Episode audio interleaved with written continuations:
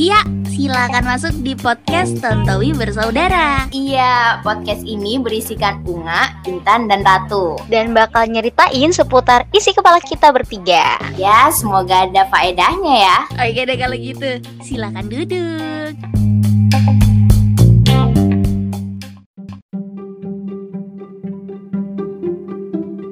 Halo, ketemu lagi di podcast Tontowi Bersaudara. Kali ini ada yang beda ya. Kalau misalnya biasanya Ratu muncul barengan sama Kak Bunga sama Kak Intan, tapi kali ini Ratu mau muncul sendirian. Kita mau ngebahas sesuatu yang hmm, lumayan serius, tapi kita bawa santai aja ya. Ini perkara milih jurusan. Ya, nggak semua orang sih sekarang emang lagi mau milih jurusan, tapi semoga pesan-pesan di dalamnya bisa bermanfaat deh buat teman-teman semua dalam momen apa pun. So, here is the thing. Waktu aku lulus SMA, aku tuh nggak tahu mau masuk mana. Jadi nggak kepikiran tuh tertarik ngambil jurusan apa atau universitas yang mana. Oke, okay, aku tahu ada jurusan yang namanya kedokteran, teknik pertambangan, PGSD, akuntansi. Tapi aku nggak bisa milih, jadi aku nggak tahu kira-kira jurusan mana nih yang kira-kira aku bakal suka. Nggak ada jurusan yang bikin aku pengen banget masuk ke situ, tapi nggak ada juga yang bikin aku ogah masuk situ. Semua itu kayak hmm, oke-oke aja gitu. Nah, akhirnya ayahku kasih aku rekomendasi beberapa jurusan. Dan aku sepakat sama ayahku. And here I am. Aku masuk di teknik lingkungan dan sekarang udah masuk semester 7. Pun jurusan ini bukan pure pilihan aku, tapi aku ngerasa excited sama mata kuliah di dalamnya. Iya, capek sih ngerjain tugas-tugasnya. Terus ada juga beberapa mata kuliah yang aku sulit banget untuk ngerti. Tapi aku kok bahagia yang ngelakuinnya.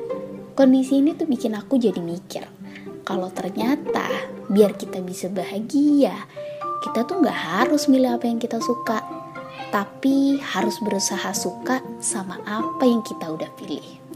Walaupun tetap sih, dalam decision making prosesnya, kita kudu tuh melibatkan pertimbangan-pertimbangan yang gak subjektif. Simpelnya harus fair gitu kan. Jadi buat teman-teman yang sekarang lagi milih jurusan, menurutku cari referensi sebanyak-banyaknya, terus tulis tuh baik buruknya, dan pertimbangkan secara fair. Once kalian udah milih keputusan, ya udah, jangan disesali.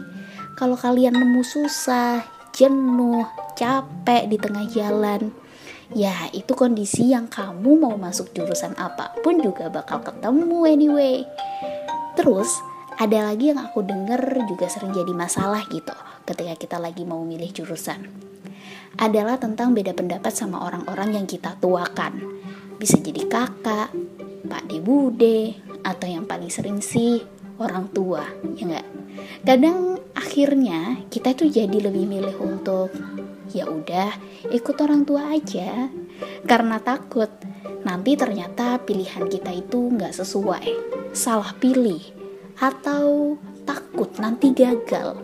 Intinya takut ada perkataan, tuh kan kamu sih ndak nurut dulu waktu dikasih tahu. Gimana ya?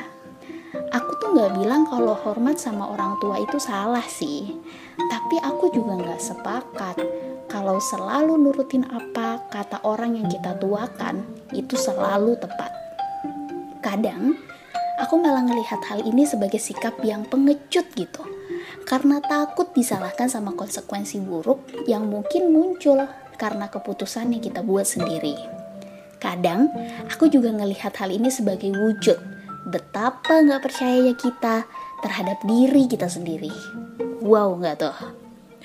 Jadi gini deh, kita itu kan udah gede ya, udah mampu cari informasi yang valid gitu otak kita juga udah mampu mencerna dan menganalisis kemungkinan-kemungkinan yang akan terjadi. Dan kalaupun ternyata ada salahnya atau gagalnya, ya mestinya beranilah ambil konsekuensinya. Jadi menurutku, kalau emang kita punya keinginan yang sangat-sangat kekeh, jangan putus asa untuk mencoba ngeyakinin orang tua kita. Ya, pastinya waktu lagi menyampaikan pendapat harus banget dilakukan secara dewasa. Ngomongnya harus serius, yang tenang, yang yakin, dan yang paling penting sih harus disertai sama alasan-alasan yang logis.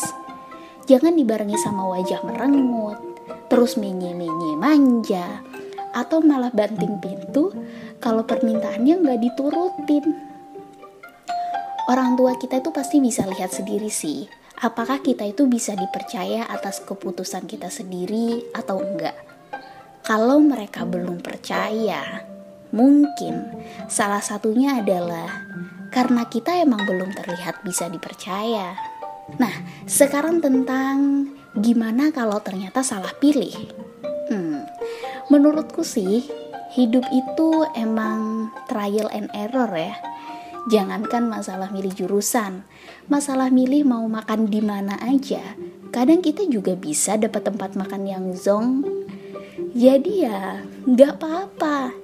Dulu aku pernah tanya-tanya ke kakak kelasku SMA yang ngerasa kalau dia masuk di jurusan yang sebenarnya nggak dia pengenin.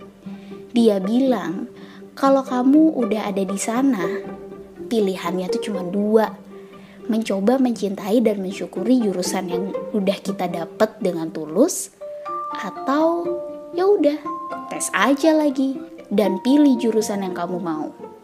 Intinya, jangan terlalu lama ngeluh deh. Segera ambil keputusan, terus please jangan labil. Tapi lepas dari itu semua, aku sih berharap semoga kalian bisa menikmati masa perkuliahan kalian nanti. Karena percaya deh, kuliah tuh asik. Udah ya, see you.